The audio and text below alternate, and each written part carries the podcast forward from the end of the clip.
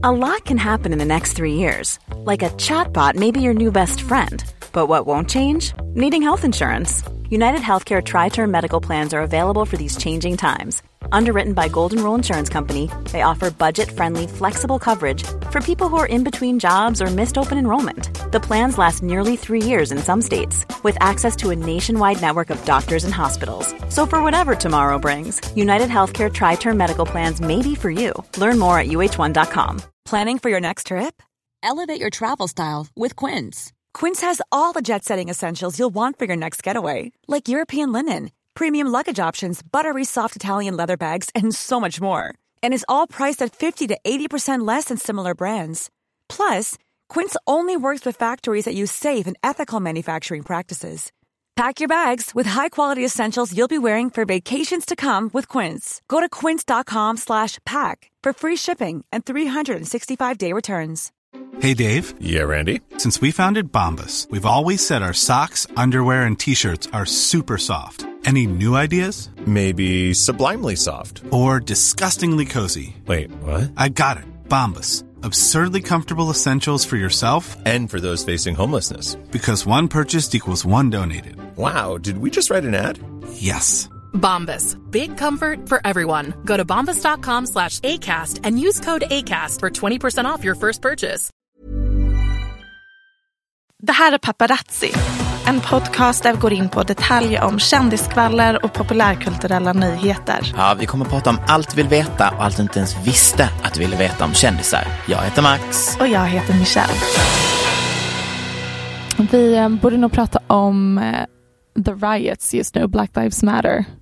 Dels för att eh, kändisnyheterna står liksom på paus just nu men också för att det känns så konstigt att sitta här och prata om Chrissy Teigen ska ta ut sina bröstimplantat samtidigt som världen går igenom en, vad jag hoppas blir en revolution. Ja, alltså det är ju verkligen, världen brinner ju lite, eller inte världen men Amerika. Ja, Och då känns det väldigt konstigt att, ehm, att låtsas som att ingenting händer så att säga. helt sjukt. Och det, jag blir så frustrerad för att det känns som att fokus i media och narrativet just nu att the writers är helt utspårade och degenererade istället för att prata om att det är den institutionella rasismen som är degenererad och helt utspårad. Det känns som att eh, folk vet inte riktigt vart de ska titta och hur de ska förhålla sig till allting. Nej, alltså ja, ja, nej men jag, igår när man, eller sen när man läser nyheterna så känns det som att artiklarna belyser inte problemet om vi säger som så. Nej, kanske inte. Också, Men mycket, ja, jag har hängt jättemycket på Twitter. mm, Det är mycket, det är mycket information att ta in. Och ehm, det är mycket klipp som sprids. det är Ehm, så mycket just nu. Mm, och det är, ehm, det är viktigt att, ehm, att absolut ta in, men också att eh, ta det en extra runda innan man börjar sprida. För, det För att finns det ju jättemycket. från alla olika vinklar och förhållningssätt till det som sprids Exakt. samtidigt. Exakt. Ja, Ehm, det kommer vi inte reda ut i dagens avsnitt. nej, det här är ju ändå trots allt en podcast som många lyssnar på för att ibland pallar man inte ehm, lyssna på poddar om saker som faktiskt spelar roll i världen. Ibland vill man prata om Chrissy Teigens bröst till exempel. Ja, jag tyckte det var fint att Ariana Grande var ute på gatorna i alla fall. Det är många. Jag såg Halsey, Sean Mendes och Camila Cabello. Yes baby, Där men de är bra vi- på att gå långsamt. De gick i samma takt som resten av befolkningen den här gången. Där har vi en PR-ansvarig som mejlar dem och bara hörni, ni är båda borderline racists. Ni kanske ska ut på gatorna. Så förra veckan så pratade vi om läckta dokument från den där advokatbyrån som alla kändisar använder. Eh, mer specifikt de läckta Gaga-dokumenten. Well, jag har kommit ännu en gång to the table med läckt information. Det har gått tre år sedan sist, men Anonymous är tillbaka. Det här är så intressant. Först berätta vem Anonymous är. Anonymous är ett nätverk av incels, nej, jokes.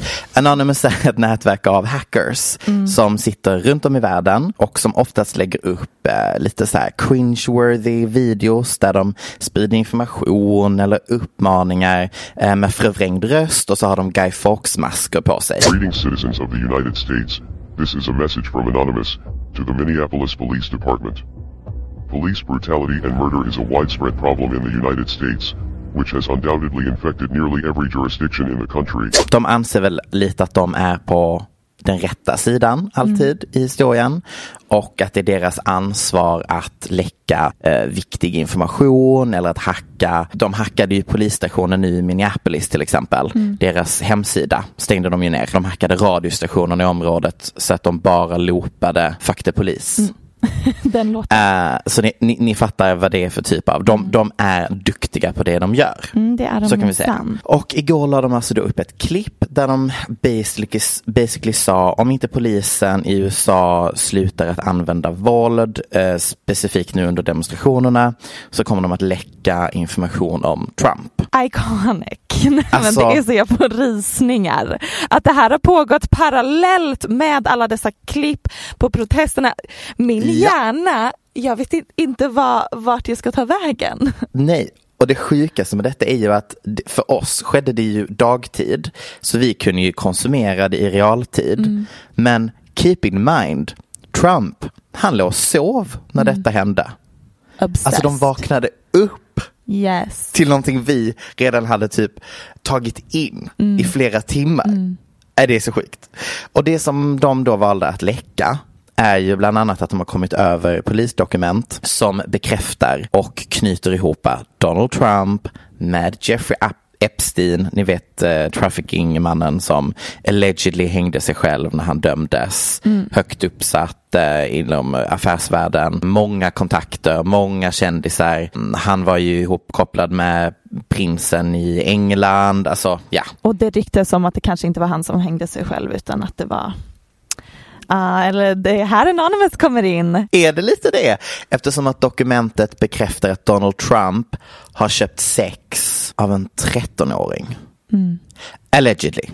Enligt rykten, enligt, enligt eller enligt rykten. de här papperna som Anonymous ja. har spridit. Men har inte Anonymous också spridit papper på massa andra våldtäkter med typ 12-13-åringar? Tioåringar till och med, som Trump har gjort. Ja, det är eh, en tioåring, en tolvåring, en elvaåring, en trettonåring, en tolvåring, en elvaåring. Olika våldtäkter som Trump har anklagats för och även settlat och gett föräldrarna till de här barnen en summa så att de ska hålla käften. Oh, nej men alltså det här är så fruktansvärt. Och eh, ovanpå detta så läckte en Little Black Book som tillhörde Jeffrey Epstein. Mm. Här går ju åsikterna isär. Är detta bara en kontaktbok? liksom över person han har haft nummer till. Andra påstår att det här är lite av hans klick, alltså de som han mest rörde sig med. Ah. Återigen allegedly, vi vet det här inte. vet vi inte vad, det här kanske bara är namn han hade. Precis. Att tillgå men... och nummer som han kände lite men inte Precis. nödvändigtvis umgicks med särskilt mycket. Men på denna listan hittar vi Naomi Campbell, vi hittar Tony Blair och Alec Baldwin. Alec Baldwin har alltid haft en vibe jag har varit skeptisk till. Mm. Det, alltså, lite, det är en grov anklagelse. I och för sig så har han ju varit väldigt uttalat anti-Trump och eh, ah. haft eh, hjärtat på rätt plats enligt mig i alla fall. Så mm. uh, det här kanske mycket väl, han kanske inte alls kände Epstein. Nej, och sen så läckte även information angående Diana och prinsessan hon, Diana ja. Prinsessan Diana och vad hon hade för sig dagarna innan hennes död. De här dokumenten som du har läckt är en återberättelse av en händelse. Så det är inte, det är inte fysiska dokument och det är ju inte heller, um, för det pratar om ett uh, påstått inspelat ljudklipp. Mm. Där hon har åkt till ett sjukhus och mött upp en person som har blivit våldtagen av en bland prins Charles stab som jobbar eh, för kungafamiljen. Nära vän till Charles eller nära anställd? Precis, som fortfarande idag eh, då ska jobba för prins Charles. Och hon har då i hemlighet spelat in det här samtalet, alltså Diana. Med våldtäktsoffret. Precis. Och sen lagt det här bandet i en låda i Kensington Palace och när hon då dör så har ju det här försvunnit tillsammans med eh, lite känsliga papper också. Och den som har hört det är hennes syster. Hon har fått höra bandet och återberättat det. Men som sagt, det här är inte fysiska dokument och det är inte the tape. Så att det här är ju lite mer rörigt mm. att bekräfta. Men Anonymous har tidigare läckt, alltså det är ju det är ju som Wikileaks. Alltså det är ju, man, man, brukar liksom inte inte tro på dem if that makes sense. Nej, men och det kan ju också vara så att själva historien i sig stämmer mycket väl. Men Exakt. att det var ändå en trafikolycka som inte var ja. planerad och att det bara var slumpen att det sammanföll med den här våldtäkten och att Diana hade bevis för den. Mm, precis. Men det är ändå, det är, det är mycket att ta in. Alltså det var mycket som bara så här droppade inom loppet av 24 timmar. Ah, och sen är det, alltså att det här sammanföll med en pandemi också. Nej men så snälla rara. alltså det, nej, alltså nej. Förlåt, lever vi i en simulation men det här, Michelle Jag vet inte. Och sen bara det faktum att jag har känt att livet är en simulation sedan dagen Trump blev president. Så att jag vill liksom inte vad som är upp och ner längre. Nej, alltså jag är helt ärligt, jag bara, vad, vad, går, vad, vad går vår generation igenom? Jag fattar ingenting. Ingenting. Och bara det faktum att Kanye West har varit tyst genom allt det här medan Taylor Swift mm. har verkligen tweetat till Trump We will vote you out of office in November. Något sånt skrev hon. Mm. Who the fuck knew that that's the world we'd be living in 2020? Okej, nu äh, lämnar vi just ähm, pågående kaoset ett litet tag och mm. förflyttar oss till ett annat slags kaos som känns som det var hundra år sedan för att det här pågick i början av veckan innan vi sjukt. visste vad det var som var på gång. Ah. Men det har ändå lite med rasism att göra kan man ändå säga. Nu ska jag berätta att för typ sju år sedan så kom jag över en artist på Soundcloud som jag blev besatt av. Jag började följa henne på Instagram och dog av hur rolig hon var och bara den här personen måste slå igenom. Personen jag talar om heter Doja Cat. Love her. Ja, sen dess har hon ju slagit igenom. Och nu tänkte jag förklara varför hon har varit på tapeten som cancelled i början av veckan. Mm. Och vi måste ju då erkänna att jag är ju lite partisk älskar henne. Ja, det, det, det, har vi, det har jag fått känna av när vi har pratat om detta. Nej, men hon är så rolig.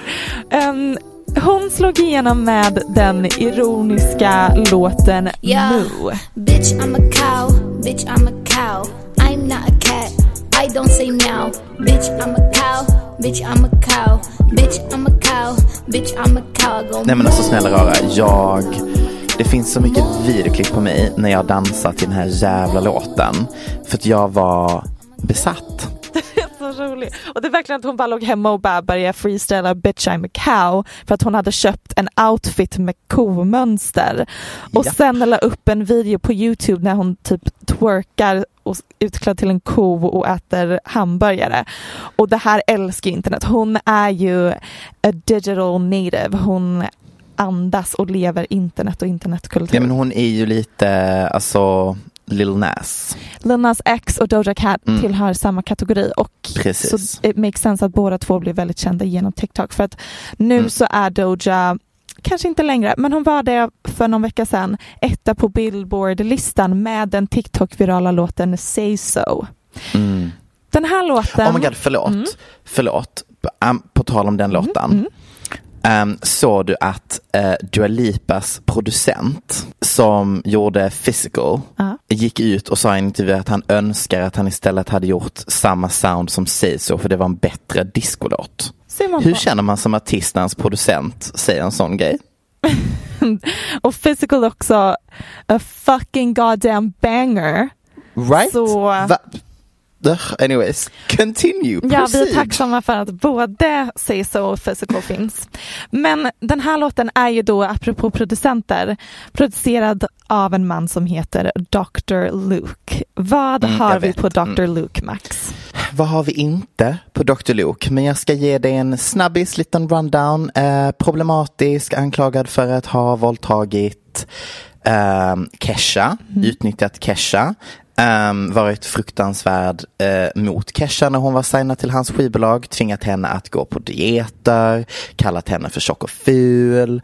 Ehm, och sen blev han cancelled och sen bytte han producentnamn, kommer inte ihåg vad det nya heter men det är något sånt typ Var det inte in- Made in China? Visst var det det? Lite problematisk. Ja. Det ringer en klocka. Ehm, för att det var det han använde när han producerade vår andra nutida samtidsqueen Kim Petras. Ja. Det, Och nu även.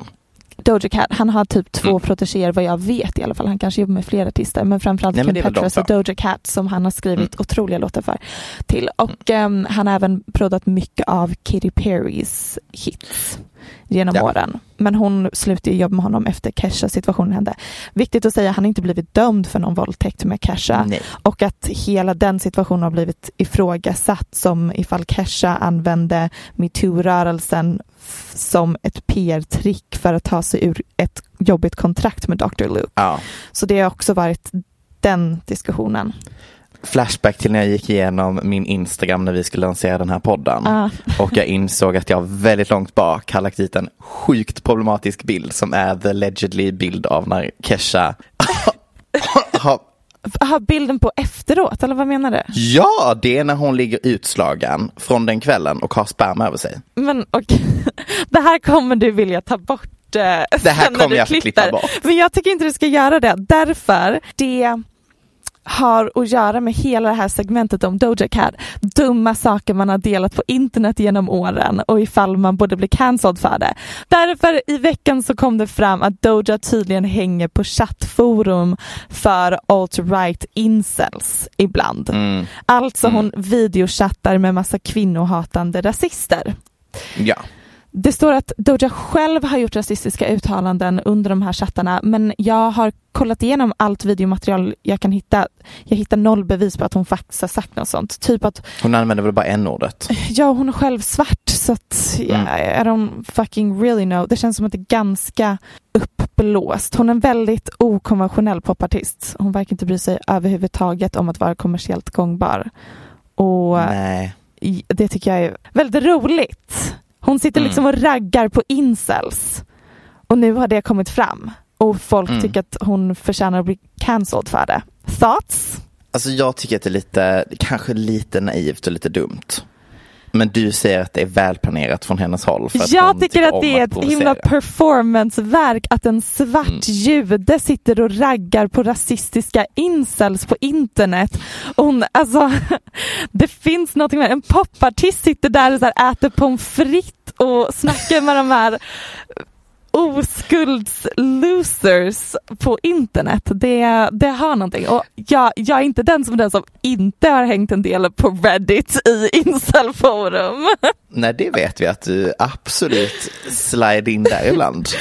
Det finns en eh, Reddit-tråd där incels lägger upp selfies och vill ha mm, makeover-tips och undrar är det kört för mig, kommer jag någonsin kunna ha sex eller är det helt kört för mig? Och då kommenterar jag vad de borde göra, om de borde klippa sig eller kanske skincare routine. Det är väldigt, jag känner mig väldigt spiritually connected till Doja Cat. Michelle Hallström är alltså the guardian of the incels. Ja, ja, I have your back you guys. Nej, men alltså jag håller med om att jag kan tycka att det är att det var dumt och lite problematiskt det hon har gjort, men att det är väldigt långt bort från att vara en anledning till att bli cancelled. Däremot så tror jag att de som har blåst upp detta har gjort det för att de vill cancel henne på grund av Dr. Luke-samarbetet Ja. och inte per se hennes eh, actions. Det är det som är problemet, att det är Dr. Luke, det är det här. Det är också hon typ någon gång tweetade eh, till Tyler the Creator och en annan rappare Earl Sweatshirt, you both are faggots. Ja. Hon har använt the faggot word eller the f-word i flera olika tweets och sen försvarat det på ett sätt som är ganska klumpigt. Men sen samtidigt så är hon själv väldigt öppen med att hon är bi och ligger med tjejer och jag vet inte vad hon har för vänskap med Tyler the creator och vad kontext den tweeten var i för Nej. slags kontext. Eh, men det, det var ju inte en så smart tweet att tweeta. Nej, men vi är ju alltid eh, emot cancel culture i den här podden. Så att, Ja. eh, jag känner att jag får ju fortsätta ha den åsikten Men även i denna ändå situationen. um, en, någon slags held accountable culture. Absolut. Då man ändå måste stå till svars för det man gjort för att annars blir vi inte smartare som samhälle. Sant. Jag. PK Queen. Äntligen, äntligen, äntligen. Mhm. Vi fick ett album, Michelle. Det fick vi minsann. Och ni kanske tänker, vad pratar du om Max? Givetvis Lady Gagas Chromatica. Och jag tror att det är många som blev eh, lite snopna när de lyssnade på förra avsnittet och vi spelade eh, Rain on me helt okommenterat. Därför du klippte bort alla saker du sa om den låten för att du, du var lite skeptisk till den första gången och sen kom musikvideon ut och nu är du väl obsessed. Ja, alltså Ja. jag, eh, men för mig, ärligt, den låten, den behöver växa på en. Det, det, räckte Okej, inte bara jag älskade. Rain on me och musikvideon, ugh, love. Ja, nej jag behövde mer än en lyssning och Mm. eh, tyvärr så räckte det ju med en lyssning till och den gjorde jag ju efter att vi hade spelat in podden. Mm. Så att jag var framme med saxen, katt, katt, katt. Klippte bort allt vi sa om låten. Absolut, jag stod inte för ett enda ord som kom ur min mun. Det kanske släpps någon gång i framtiden, vem vet? Bäst av när Max o, o, um, omotiverat hatar på saker. För det händer ju ibland. Det har, det har klippts bort några sådana segment. Det har det. Där jag bara tydligen är jättebitter. Max Lysell nydumpad i vartannat avsnitt. Gud Jag är tyvärr bara en bitter bög som är dumpad.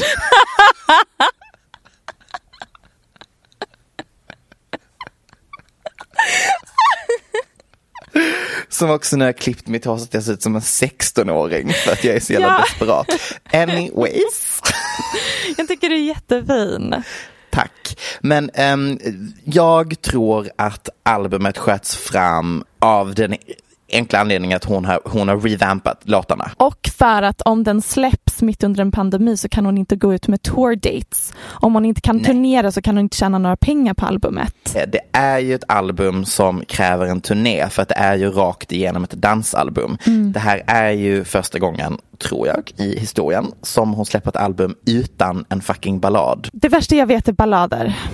Jag tycker tyvärr inte, alltså jag klarar inte av ballader. Nej. Jag hatar ballader i vanliga Ge fall. mig en ballad och jag kommer hoppa från Västerbron. Och speciellt, jag kommer vara den som säger det men jag är inte jätteglad för Lady Gagas ballader. Oops! Kan du snälla förklara för mig? Hela albumet läckte på Twitter. Och det är Mm. därför hon helt plötsligt bara, okej nu släpper vi albumet då. Nej, det bör, alltså, låtarna läckte ju typ ett dygn innan och då paniksläppte hon ehm, låten med Blackpink. Det var det som hände. Som jag tyckte saknade en eh, eh, vers. En refräng? den, den är bra men den saknar en refräng. Jag vet, det kändes som att jag behövde den där extra level up situationen. Verkligen. Och jag såg så mycket fram emot den när jag såg att det var en låt med Blackpink, liksom en K-pop tjejgrupp som jag lever och dör för. Och så var låten, Mm. ah, den, var, den var inte, jag hade velat ha en EDM banger med Blackpink och Lady Gaga. Eh, ursäkta, jag hade tänkt Elton John-låten.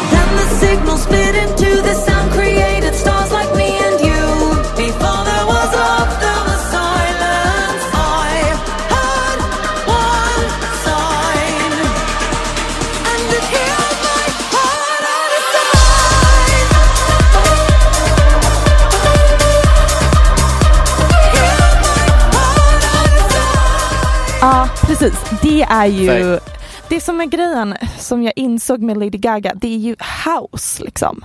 Och jag lyssnar inte, det, ja. ja det är house rakt igenom förutom låten med Blackpink. Och jag lyssnar inte så mycket på house, jag tror att det är där hennes hennes typ av pop har lutat mer åt househållet och det är bara inte min vibe. Eh, Mm. Men det är ändå, det det är ändå bangers. Liksom. Första gången vi är ute på klubben Max och en Nej, eh, låt från Chromatica spelas kommer jag skrika och gråta och kanske maybe break something. I don't know. Jag kommer vara på golvet Mm. på mina knä. Ja, ja, ja. det jag tycker är intressant är att hon valde att inte catera till hennes nya fanbase som hon fick genom A Star Is Born. Mm. Utan hon gör det hennes original fans, liksom hennes little Precis. monsters. Mm. Uh, mainly gay men verkligen vill Mm. ha från henne. Samtidigt som jag kom på en grej att A Star Is Born folket Mm. älskar house. alltså min pappa han vill ha en fasad av att han lyssnar på typ Morrissey och Kent. Men han vill Han ju lyssna bara på lyssna på Lady Gaga. Avicii och Ja. eh, Madonnas senaste album. Did I just throw my dad under the bus and say he's gay? Maybe. Did I just out my dad? eh, Michelle Hallströms favorithobby, outa bögar. Det är så här, du är inte Vampire Slayer, du är the gay slayer. Gay. Häxjakten, nej nej nej nej nej nej, bögjakten. I see the sign, it's a gay guy. Det är så roligt för att jag har inte en så bra gaydar. Av er som gjort det enda rätta här i livet och följt mig på Instagram heter It's Britney bitch understreck understreck 69. Max, du heter Mm. mentalt instabil. Ja det gör jag. Det gör du Säger mycket om oss. Mm. Ehm, vad sa jag nyss? Minsant. That's not a word. Anyways. De som följt mig vet att en av mina största idoler och förebilder i livet är Erika Persson, alltså Hollywoodfrun Gunilla Perssons typ 17-åriga dotter. Vi alla Mm, minns. du brukar ju slide in i hennes DMs. Varje frågestund hon har på sina stories skriver jag en massa frågor. Jag kommenterar alla hennes bilder, jag DMar ibland. Jag vill inget hellre än att bli kompis med henne. Jag har även haft någon slags vision av att hon ska gästa vår podd någon gång. Men nu Mm. i och med corona tänker jag att hon inte kommer komma till Sverige i sommar och då är det lika bra att jag bara eh, redan nu förstör vår vänskap genom att prata skit om henne i podden. Mm, skönt. Känns väl Jag älskar också när du, eh, du hade köpt nya kläder och du bara jag känner lite att eh, jag klär mig som Erika Persson nu. Eh, det är min eh, vibe. Max, du förstår inte hur många gånger jag gått in på Urban Outfitters, plockat ut kläder som jag bara, would Erika Persson wear this? Går in till omklädningsrummet och bara, det ser inte riktigt likadant ut på mig som på en 17-åring. Chokers och minikjolar ser lite mer desperat ut på mig än på Erika Persson. Stöttar. Hur skulle du beskriva hennes Instagram? Hur skulle du beskriva Um, hennes flöde? Du, jag vet för att jag har nämligen råkat se att vi har fått ett DM om detta också. Mhm. Där en av våra lyssnare pekade ut att vissa av hennes bilder har jättelite likes Mm. och vissa har jättemycket likes. Och det är för att hon Mm. är besatt av att lägga ut och sen arkivera bilder. Gud vad fräscht, det ska jag börja göra. Oh. För att det Wow. är verkligen att hon lägger ut en bild Ah. och sen så ligger den uppe i typ fem minuter Ah, wow. och sen så är den borta. Iconic. Och det är därför som, och sen så återaktiverar hon ju dem när hon går igenom för att kurera sitt flöde. Mm. Ja. Och då kommer de inte upp i någon annans feed och därför har de inga likes. Jag känner mig så inspirerad. Det känns Mm. väldigt mycket som något 16-åringar gör idag. Precis, men det är ju en blandning av titta på min midja, titta Mm. på min midja, titta på min midja, titta på min midja, jag är en häxa, titta på min midja, jag gillar astrologi, titta på mina bröst, titta på min midja, titta på min midja, Lite ass titta också. på min midja. Ja. Och lite Mm. titta på min rumpa. Det där är så ehm, bra beskrivet. Jag skulle Och beskriva... att hon använder ljussättning och shimmer, att det är så här lite shimmering vibe. Ja, Så det är vad jag menar? Mm. sure. Lite så här som om hon är en elva. Ja, så snyggt sminkad. Mm, Jag skulle beskriva hennes stil som slutty e-girl eller Mm. hipster art ho. Mm, Det är två alltså, stilar som är på min moodboard. älskar när trenden art ho Ah, hände. det är det bästa vi har. Kan inte riktigt bära upp den, men jag kämpar på. Hon som du nämner är väldigt intresserad av häxkonst också. Ja. Och det är någonting med, nu vad gör du nu? Jag ska bara se så att den spelar in. Om den inte gör det Max. Det gör den. Det gör den. Sorry, fortsätt. Jag fick en hjärtattack nyss. Jag med. Fortsätt. Det känns också så roligt ifall det är du som fuckar upp eh, innan jag gör. Ja, kul va? Med mikrofonen. Det hade känts väldigt skönt. Nej men precis som du nämner, hon är väldigt intresserad av häxkonst och samlar Ja. på kristaller. Och allt det här kombineras med Instagram story Q&As, liksom, att folk får Mm. ställa frågor. Hon ger extremt välformulerade och genuint inspirerande svar med många tankar om feminism, moral, Mm. metafysik och filosofi. Och tillbaka till hennes flöde med mycket fokus på hennes midja. Jag, jag lägger ingen värdering i det, men Erika Persson redigerar sina bilder in i absurdum. Mm. Och till och med ett otränat öga kan se att bilderna är redigerade. Men eh, I'm not your average otränade öga. Nej. I can clock a Facetune photo from a mile away. Mhm. Det är lite av mitt sjätte sinne. Mhm. Och eh, jag, jag undrar hur många det är som lyssnar på vår podd just nu som sitter och tänker Michelle, varför pratar ni om Erika Persson? Varför pratar ni om att hon redigerar sina bilder? Hon är 17, låt henne vara. Men, Men eh, det är vår uppgift i samhället. det är inte riktigt Trycka försvarbart. ner 17-åringar. Mm, Det är inte riktigt försvarbart, men jag, jag märker ju att det, det här engagerar folk. Det är många som, Ja. hennes flöde är så speciellt att det är många Gud, som ja. undrar vad är det som pågår? Och mycket riktigt, det är många som skriver till mig och bara är det så att hon redigerar sina bilder? Hon, gör, alltså, hon gör verkligen det. De är Ja, väldigt nej men redigerade. Hon, den där kroppen. You just cannot physically come out like that. No, nope. Ehm, det är någon bild där man ser att så här, de raka linjerna i bakgrunden på liksom typ the tiles, stenarna, är böjda in mot hennes midja och så gav hon svar på tal och bara the tiles are just bent like that. Och jag bara sure, maybe in a painting by Dali. But, Ehm, gud, det känns som att jag går högstadiet och Sitter och pratar skit om den coola tjejen. det, um, jag, jo, vart vill jag komma med det här? Det är någonting med det här som för mig känns som nästan ett himla konstverk att få följa och jag tror att det är därför jag pratade om det och är så besatt av henne. Att jag vet Mm. inte, det finns typ konstnärer som Amalia Ullman eller typ även Lil Michaela som är influencers där man inte riktigt vet, är det här ett performanceverk? Är det på riktigt?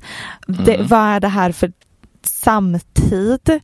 Ehm, hon representerar liksom en samt, ett samtidsfenomen och det är så intressant för att hon rättfärdigar så mycket och försvarar eh, att hon inte redigerar sina bilder och rättfärdigar det hon lägger upp med feminism på ett sätt som gör att liksom om allt är feminism blir inget feminism. Och resultatet fattar. blir typ att vi har en generation av Erika Perssons. And you know what? I fucking stan.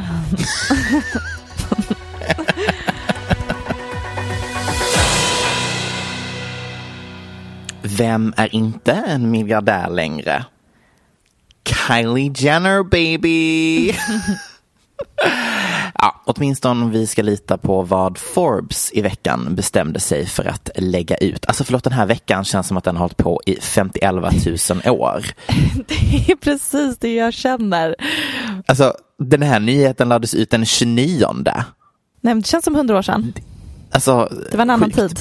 Det är en väldigt, eh, vad ska man säga, laddad artikel som jag nästan vill tipsa alla om att läsa. Den var väldigt intressant.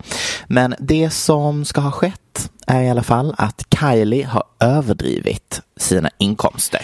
Mm, det här är enligt Forbes och den här Enligt artikeln Forbes. menar de det. Ja. Ja. Specifikt gällande Kylie Cosmetic och hur bra det företaget egentligen går.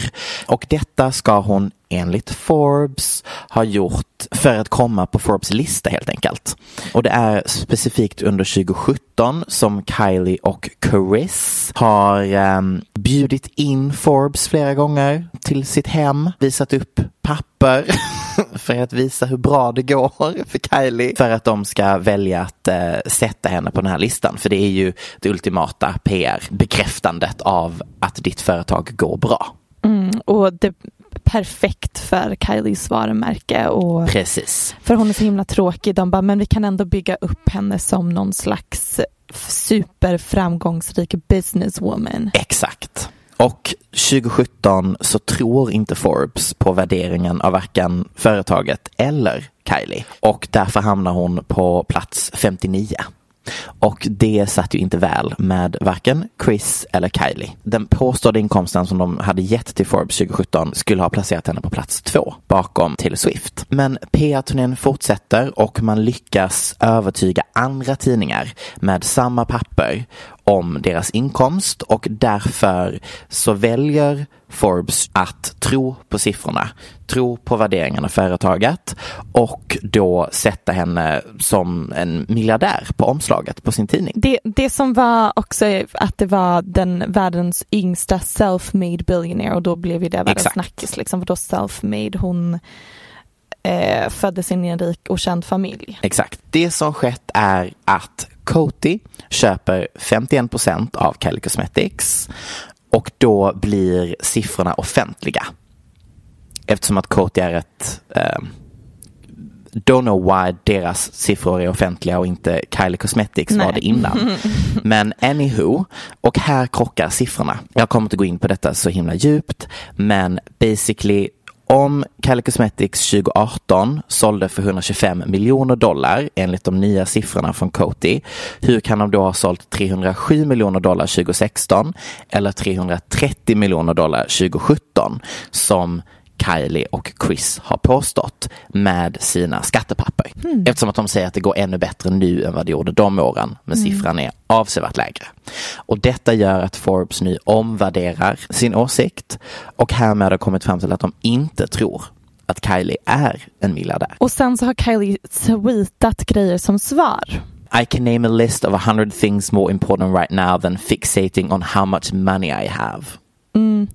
Och också så tweetade hon typ, jag har aldrig bett om att om den här titeln.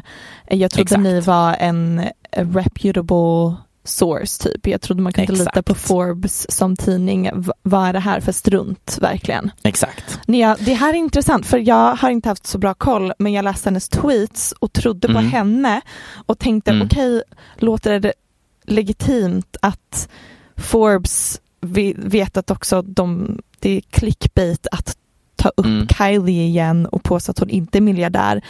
Det sätter Mm. Forbes på kartan också. Mm. Ehm, och det känns rimligt att hon inte skulle förfalska någonting för att hamna i Forbes. Jag trodde ändå på Kylie när hon tweetade men nu när du berättar det här och jag tänker på hur mycket det är som pågår som vi inte vet om Uh, i världen så tänker jag ja, ja, det- här låter som någonting Chris hade gjort. Jag kan till och med, till och med tänka mig att det här är någonting som Chris och PR-experter har gjort bakom Kylies rygg nästan.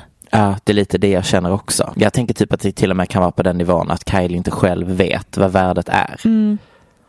Precis, eller att hon satt med på mötet när de diskuterade den här PR-strategin men kolla Instagram under tiden så hon hörde inte att det var det här de kom fram till. På riktigt, let's be honest here. Är det någon som riktigt vet hur ekonomi funkar? Är Svar nej. är det inte bara astrologi but for men? Vi, Absolut. Det är ingen som vet hur man värderar ett företag, det är en lögn. Nej. Det en- All företagsekonomi är en konspirationsteori och vi alla bara höftar oss fram, inget företag vet vad de gör. Kanske har Kylie Cosmetics massa pengar, kanske inte. There's no way we can know, Nej, är min enda poäng. fan vad jag inte pallar bry mig om hon är si och så rik. Hon är rik, punkt. Ja, Alltså. det är lite det. Men man bryr ju sig om att de har liksom fabricerat ehm, hennes varumärke som miljardär och att Ja. det ens är en PR-strategi som finns och det är ju intressant och det säger så Gud, ja. mycket om hur Kardashians har byggt sitt imperium och sina varumärken. Mm, Och- sant, sant, sant. Vad folk menar när man säger the devil works hard but Kris Jenner works harder. It all makes sense. Det här. Nu ska vi prata om ett ämne som har trendat de senaste veckorna. Nämligen Mm. dramat kring en podcast som heter Call Her Daddy. Jag har följt det här de senaste veckorna och antagit att ingen i Sverige bryr sig. Men så la jag upp en story och frågade om det finns folk som vill att jag förklarar den här situationen och nästan 80% svarade jag. Och jag är så excited nu att äntligen få diskutera det här. Jag vill också veta Ja. detta för att jag har ju aktivt inte valt att sätta mig in i detta. Nej. Så att, ehm, Men varför vill du veta? Det är för att du har sett att det har trendat online. nej, för att jag har lyssnat på en av, en av mina favoritpoddar, Red Scare, och de pratade jättemycket om detta, typ 50 minuter. Mm. Så jag hoppas att du inte tänkte ta 50 minuter av mitt liv eh, till detta, men ehm, Nej, jag tyckte kommer det var intressant. Ja, och jag återkommer kanske till Red Scare sen. Jag tror att många också vill veta, få det här förklarat för att det låter juicy med ett drama som är Exakt. Call Her Daddy. Gud ja. Call Her Daddy är då en podd som handlar om två tjejer som sitter och pratar om sex på ett väldigt typ aggressivt, heteronormativt, ibland konservativt, ibland feministiskt sätt. Eh, De ger typ toxic relationsråd.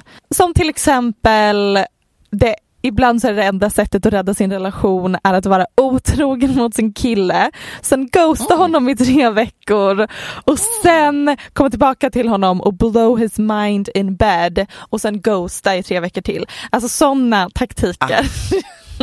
Förlåt, det där, alltså jag undrar verkligen, det där är så jävla heteronormativa förhållanden. Att, att jag fattar liksom, jag har aldrig fattat, slutar man inte bara träffas? Ehm, nej, därför att jag tror att fler män, det är en um, stereotyp bild av män, men den, jag tror att den stämmer också att många män vill ha a crazy bitch. Wow, jag är crazy men jag, det är Du, inte kanske om du hade varit eh, en straight tjej då så hade du varit het på marknaden. Gud vad tråkigt. Ja, verkligen jättesynd. Men det är där, det, vet du varför? Det är därför det är så många straighta män som attraheras av dig Max. Because you have that crazy bitch aura. au- aura. Oh my god, det är sant. Mhm. Ah, anyways, tillbaka till Call Her Daddy. Gud vad sjukt att det här blev en science podcast. I know, nej att det här blev terapi med Max och Michelle. Den här podden i alla fall, Call Her Daddy, den har liksom några miljoner lyssnare i veckan. Den är extremt stor. Mm. Så det är inte konstigt att när de nu har bråkat så har det blivit en snackis. Framför allt i en viss i ett visst hörn av internet. Och det här Red Scare kommer in, för jag skulle säga typ influencern Ca- Ca- Caroline Calloway, Color Daddy, Red Scare. Det är samma kategori av typ New York feminister. Väldigt Mm, annorlunda från. Hollywood-feministerna. I alla fall, dramat är egentligen inte jätteintressant. Nej. Så jag ska hålla det väldigt kort. Men tjejerna bakom podden heter Alex och Sofia. Deras podd och varumärke är en del av Barstool Sports, vilket är ett mediebolag som är lite som Perfect Day, men de har liksom NFL-spelare som profiler. Precis. Och Sofia Eh, har börjat dejta en snubbe som heter Peter Nelson som är någon vicepresident på HBO, Harvard-snubbe. Han lyckades i alla fall övertala Alex och Sofie att de borde tjäna mycket mer på sin podd. Så han engagerade sina advokater, de skrev ett nytt förslag på ett kontrakt med Barstool Sports där de krävde extremt hög lön. Barstool sa nej, men gav dem ett annat förslag som Alex ville ta, men Sofia sa nej, så då slutade det med att Alex nu har podden själv. Och då drog Sofia och hennes Harvard-pojkvän in Scooter Braun i smeten. Som alltså Surprise. är Justin Bieber och Ariana Grandes manager och kontroversiell för han köpte upp rättigheterna till hela Taylor Swifts musikkatalog utan hennes medgivande. Mhm. Så det här blev världens bråk om rättigheterna till den här podden.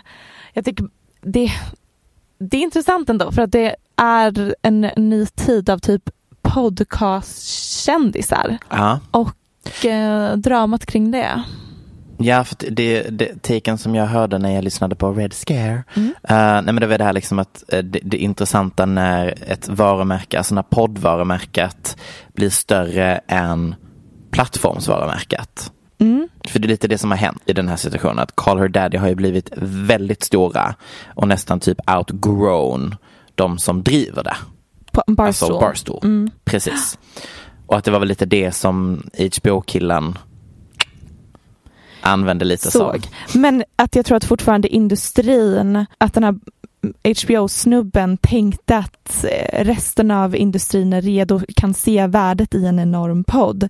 Men att det fortfarande går lite långsamt i resten av industrin. Han är fortfarande inne i att man ska kunna tjäna lika mycket på en podd som på en serie eller film. Ja, precis. Eh, precis. för att det är lika många som konsumerar innehållet. Mm, Men mm. det känns som att resten av industrin inte riktigt har fattat det än. Så att det blev en krock där. Alltså jag vet inte, är detta bara PR? Jag tror inte det. Jag tror att det här är Nej. genuint för att nu så kommer Alex liksom ha podden själv och det kommer inte bli lika bra. Mm. Jag tänkte ett tag att det här är någon himla PR-stunt men jag tror Mm, för jag verkligen inte att det det är det. Däremot så är ju podcastdrama eh, himla bra för uppmärksamhet och clout. Gud ja. Eh, Så jag tänkte att du och jag ska starta ett podcastbråk.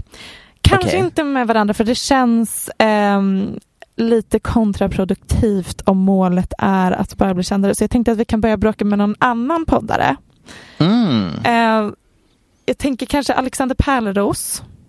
Han Du- känns som en easy target. Det känns absolut som en öppen dörr att sparka in. Ja. Men jag, hur, hur många gånger tror du man måste kommentera typ fuckface på hans Instagram tills vi får en artikel i Aftonbladet om poddbråket mellan Paparazzi-podden och Alexander Ja, Pärleros. alltså ja, gud, nej men alltså han är, jag har så jävla svårt för den typen av män.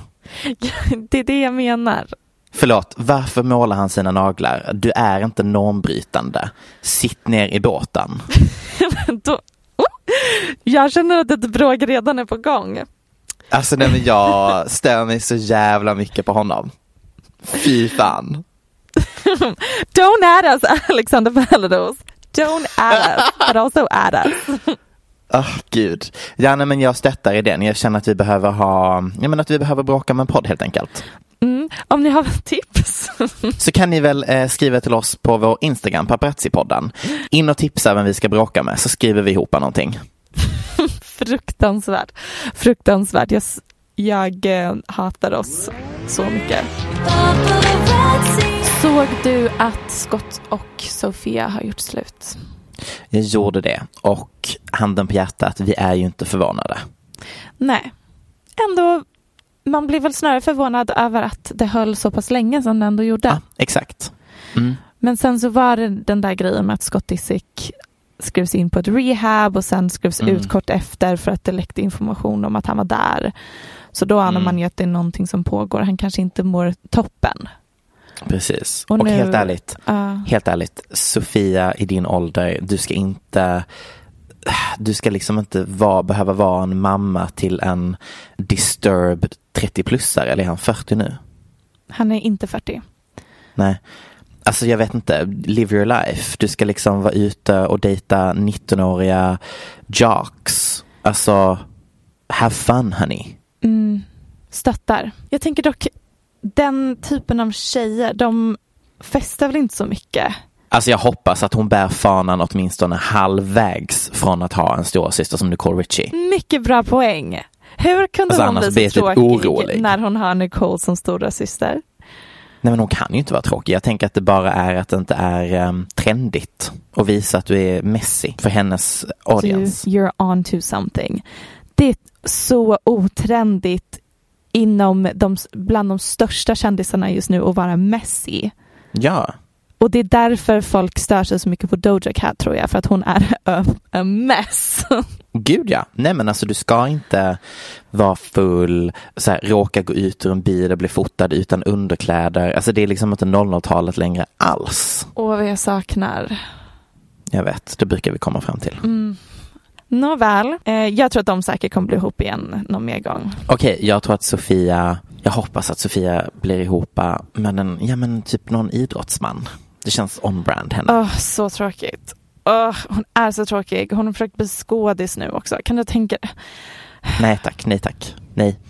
Hon är en sån, en sån tjej som bara har ett ansiktsuttryck. Ja, men det är för att de börjar med botox så himla tidigt.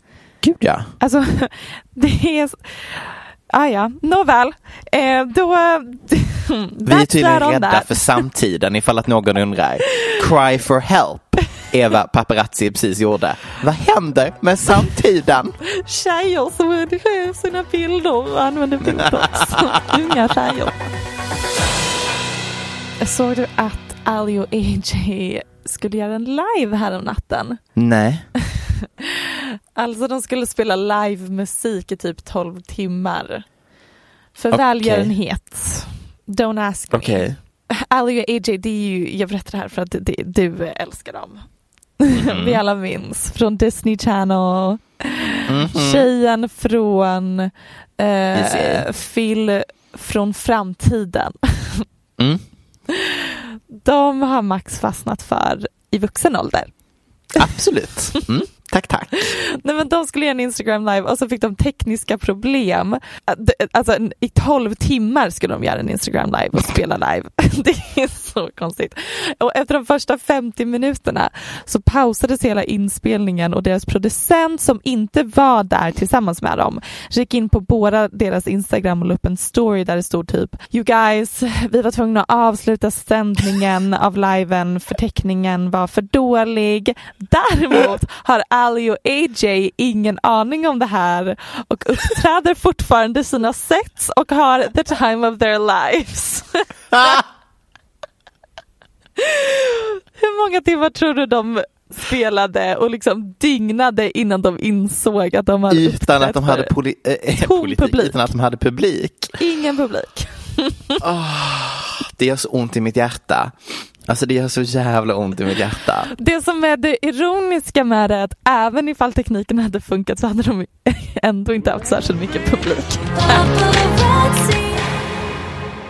Max, du älskar ju att kolla på realityserier.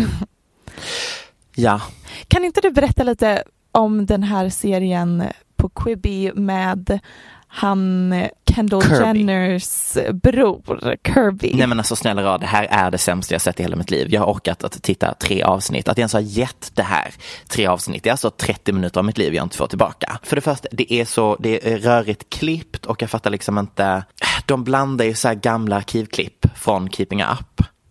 För att skapa ett samtal, ett narrativ kring ett ämne för varje avsnitt där de då liksom projicerar på honom. Just det, green screen. Precis, de får det att se ut som att han sitter med runt middagsbordet med Kardashians med green screen och sen Precis. skapar de ett tv-program kring det. Det såg Precis. jättekonstigt ut och därför Det är jättekonstigt. vet jag att det är många som skrivit till dig och frågat hur det var. Ja. Och framför allt så blev det konstigt eftersom att man nu så fruktansvärt uppenbart inser hur mycket de har köpt nya ansikten genom tiderna. För att eftersom att de, det är inte en fast tidslinje när han Så klipper det ihop. hoppar mellan Chloes Ja, ja. tio olika ansikten. Ja, ja, ja, ja, ja. Alltså vi blandar fritt från de senaste fem åren av material. Vilket innebär att i ett avsnitt så ser ju Chloe helt olika ut i varje klippning. Det är roligt tycker jag. Det har han. Vilket är intressant. ja.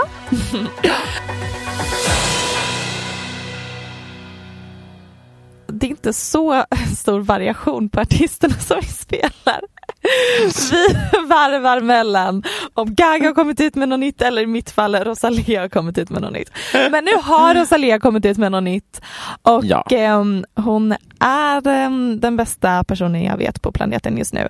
Det är en låt med Travis Scott, den heter TKN. Väldigt bra. Men jag är lite trött på artister som släpper så korta låtar. Den är typ Jag vet, tre minuter lång. Jag tänker att det är för att det, då gör eh, låten bättre ifrån sig på listorna därför att man spelar om den fler gånger. Mm, Av samma exakt. anledning som typ Drake och Chris Brown har släppt album som är typ med 40 låtar långa. För att Mm. då streamas albumen bara on average mycket längre tid och Mm. då klättrar albumen på listorna. Det är så himla Mm. många med de här nya algoritmerna och streaming, hur, hur det påverkar musikindustrin. Och sen också Är så tänker jag, jag tycker, det, jag tycker faktiskt att det är väldigt tråkigt. Mm. För jag hade velat ha den här låten plus något mer liksom. Samtiden, vad gör det med Du, det mig? var det här igen att vi lever i en simulation va? Det var ju det. Ehm, Tack för oss, följ oss på. Tack Instagram. för oss, puss puss! Cosa de familia no la tienes que escuchar. Lo capo con lo capo y yo soy la mamá. Hay niveles para todo en esta vía. No jodemos con personas desconocidas. Ni un amigo nuevo, ni una haría. Ni un amigo nuevo, ni una haría. Ni un amigo nuevo, ni una haría. Oj, Nu flashade jag min kick. Jag hann inte se. Nej, vad Det var väl inte bra. Eller den då. Du har, du, har, du har alltså en morgonrock utan underkläder på dig. Jag sitter naken och spelar in podd. Absolut. Är någon förvånad? Jag tycker det är väldigt on-brand. Väldigt on-brand you. Den här podcasten är producerad av Perfect Day Media.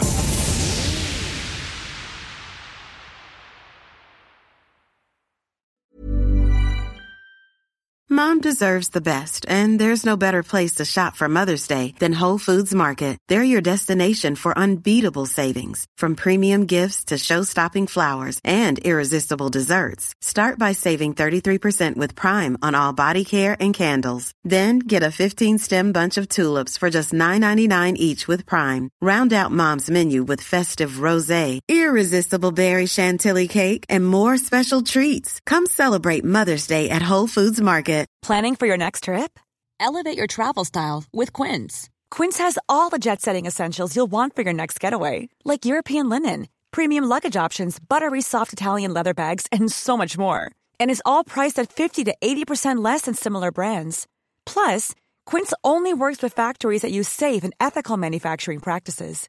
Pack your bags with high-quality essentials you'll be wearing for vacations to come with Quince. Go to quince.com slash pack for free shipping and 365-day returns.